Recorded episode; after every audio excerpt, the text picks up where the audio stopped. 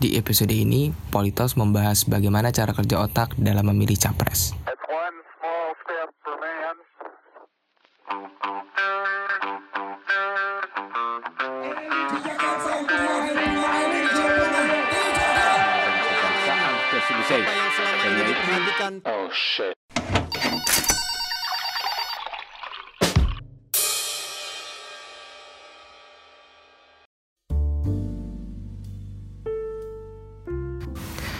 Welcome back to Politalks. Oke, eh, sekarang kita bakal ngobrolin tentang gimana sih cara kerja otak kita mengambil sebuah keputusan atau keyakinan, termasuk dalam persoalan memilih capres. Nah, bahasan ini sebenarnya tanggapan dari pendapat umum yang menganggap bahwa ya kita seharusnya rasional dong dalam memilih capres.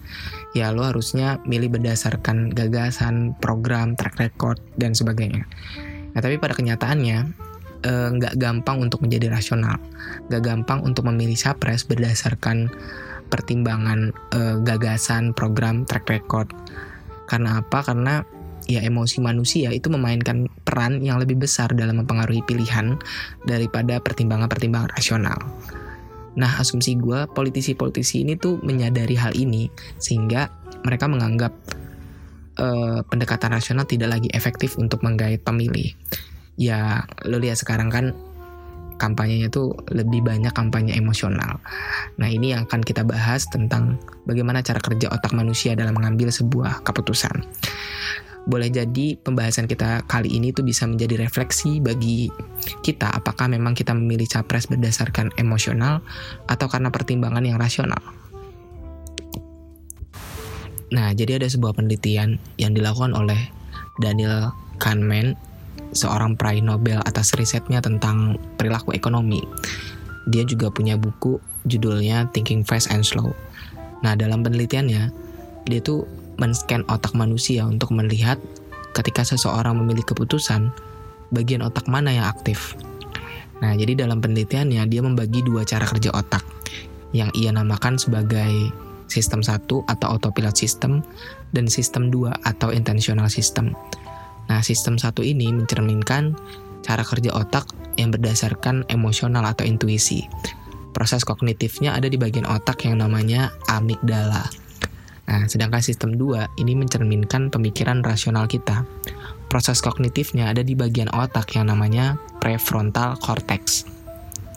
Nah, eh, sistem satu ini berjalan lebih cepat, eh, apa otomatis gitu, dan dia intuitif. Sedangkan sistem 2 ini berjalan lebih lambat karena dia butuh waktu untuk berpikir, untuk mempertimbangkan secara logis dan seterusnya. Eh, ini gue gak tahu contoh baik atau enggak. Contohnya kayak lu lagi jalan di selasar kampus. Nah, lu lihat ada dosen killer nih. Lu pasti langsung beralih atau cenderung menghindar atau bahkan kabur mindik-mindik supaya kagak ketemu itu dosen. Ya keputusan lo untuk kabur itu ya ya cepat aja gitu, otomatis lo langsung kabur. Nah, sistem satu ini nih yang lagi berfungsi. Nah, tapi kalau sistem 2 itu berjalan lebih lambat. Lo mikir-mikir dulu nih, kenapa gue takut ya? Padahal kalau dipikir-pikir, ya ya salim aja gitu selesai. Tapi kan perlu proses untuk berpikir dan itu butuh waktu. Makanya sistem 2 ini fungsinya juga eh, mengkoreksi keputusan yang digerakkan oleh sistem satu tadi. Intinya lo punya lu bisa punya contoh yang lebih baik dari gua. Intinya itu. Jadi sistem satu itu lebih cepat dan sistem 2 itu berjalan lebih lambat. Nah, pertanyaannya adalah kenapa eh, apa keputusan kita tuh lebih didominasi oleh sistem satu daripada sistem 2? Karena eh, sistem satu ini atau otak bagian amigdala ini ada dan berevolusi, berevolusi lebih lama dibanding sistem 2 atau prefrontal cortex.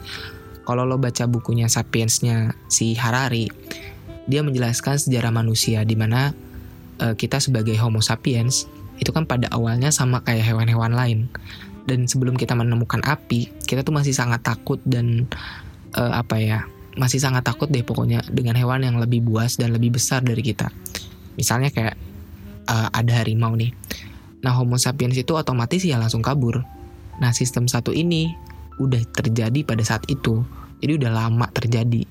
Nah, kalau sistem 2 itu baru ada atau sistem yang lebih merefleksikan pemikiran rasional kita itu baru ada ketika uh, Homo sapiens ini membentuk sistem sosial. Ketika revolusi kognitif itu terjadi pada Homo sapiens. Ketika dulu banget kita ini sebagai homo, homo sapiens itu membuat imperium, kerajaan dan seterusnya. Nah, sistem 2 itu baru lahir pada saat itu. Kita baru baru bisa mikir secara rasional. Jadi dalam uh, sejarahnya memang amik eh amigdala. Ya amigdala itu ada lebih awal dan berevolusi lebih awal dibanding uh, sistem 2 atau prefrontal cortex ini. Nah, gitu ceritanya. Makanya ya apa ya, emosi kita itu lebih besar peranannya dalam mengambil sebuah keputusan. Kalau dianalogikan itu uh, sistem 1 atau sistem 2 itu seperti gajah dan pengendara Nah, gajah ini berjalan secara intuitif atau otomatis, tapi kita sebagai pengendara itu bisa mengingatkan atau memberi petunjuk si gajah itu. Nah, begitu kira-kira. Mudah-mudahan lo ngerti uh, perbedaan antara sistem da sistem 1 dan sistem 2 ini. Mudah-mudahan kita juga sama-sama belajar soal bagaimana cara kerja otak sistem 1 kita dan sistem 2 ini. Uh, nah, kaitannya dengan Pilpres hari ini kita bakal ngebahas di segmen selanjutnya.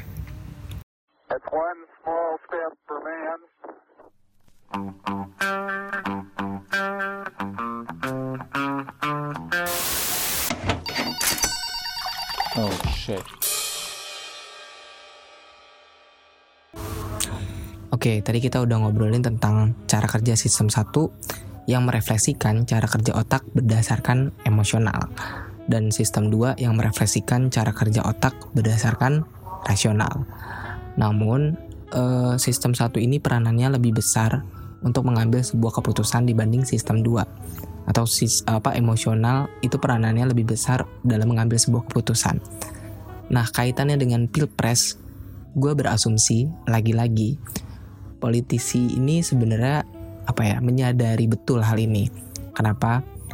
Ini kan ilmu neuroscience ini atau ilmu tentang cara kerja otak ini kan baru berkembang kalau gue nggak salah 10 tahun belakangan. Dan ketika neuroscience ini bertemu dengan political science, maka hasilnya adalah Donald Trump. Kenapa? Karena lo bayangin men, Donald Trump itu sampai nyewa 20 neuroscientist untuk menangin dia. Dan seorang neuroscientist ini tahu tentang cara kerja otak manusia dong. Tahu kenapa dia memutuskan sesuatu. Dia tahu bahwa manusia keputusannya sering kali digerakkan oleh emosi ketimbang rasional. Ya makanya dia nakut-nakutin pemilih atau kampanyenya lebih menyentuh emosional gitu emosi yang dipakai tentu emosi yang bersifat ketakutan. Nah, ini akhirnya gue lihat juga di Indonesia. Yang gue lihat di kampanye Pilpres 2019 ini, uh, kubu 01 ini nakut-nakutin kalau nanti jika Prabowo menang, itu bakal ada hilafah, FPI berkuasa, gitu-gitu deh pokoknya. Nah, kubu 02 itu nakut-nakutin kalau si Jokowi menang nanti PKI bangkit kurikulum agama dihapus dan seterusnya dan seterusnya ini mereka berdua sama-sama nakutin gitu ya mungkin lu bisa secara rasional memilih karena program-program tertentu tapi kan nggak semua orang kayak lu banyak juga masyarakat yang akhirnya dipicu oleh emosional karena memang kampanye hari ini lagi kayak gitu gitu sampai hari ini pun kalau gue boleh jujur bahwa gue nggak ngeliat perbedaan kebijakan atau standing position antara Jokowi dan Prabowo. Dua-duanya menurut gue sama aja kebijakannya. Terakhir gue ngeliat uh, apa debat capres tentang pendidikan, dua-duanya pun sama. Apa program dan turunan programnya hampir sama lah. Jadi yang dipraktekkan di debat itu ya cuman asik-asikan aja, cuman cuman emosi aja yang diluapkan gitu loh.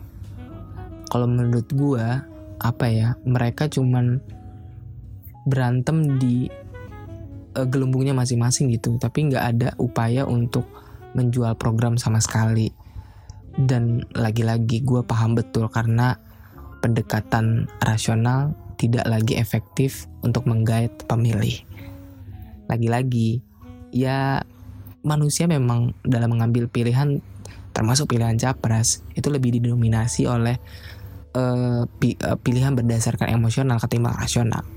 Jadinya ya sekarang inilah terjadi. Oke. Eh, pertanyaan selanjutnya adalah gimana sih supaya kita tidak dimanipulasi oleh politisi-politisi yang memang secara sadar mengetahui tentang sistem 1 dan sistem 2 tersebut. Nah, pertama menurut gue kita justru harus sadar nih, harus tahu bahwa memang ada eh, cara kerja yang terjadi dalam otak kita dalam kita menentukan sesuatu termasuk pilihan capres sehingga kita bisa mengaktifkan sistem 2 untuk mengkoreksi sistem 1 yang eh, merefleksikan pemikiran berdasarkan emosional. Jadi kita latih deh, kita fungsikan kembali eh, sistem kerja otak kita yang kedua ini. Kemudian yang kedua, eh, menurut gue juga kita harus banyak latihan untuk tidak membatasi diri atau tidak memberi tembok pada pada apa ya informasi-informasi yang tidak sesuai dengan keyakinan kita. Kita tidak memberi tembok pada eh, pihak seberang kita. Kak boleh jadi apa ya boleh jadi mereka lebih benar daripada kita.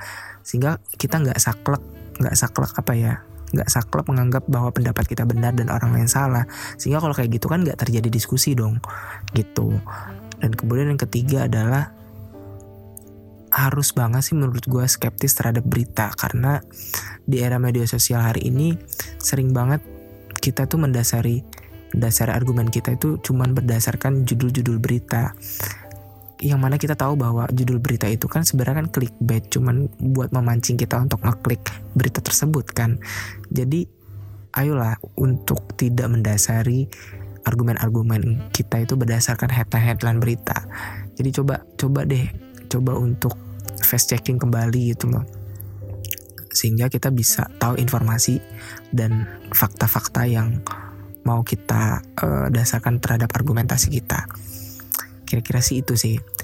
Dan mudah-mudahan ini menjadi masukan dan bisa menjadi informasi baru bagi teman-teman yang belum tahu.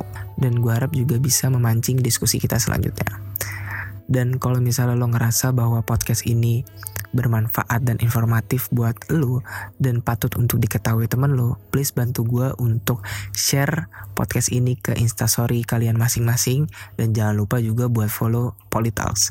See you next episode. Bye.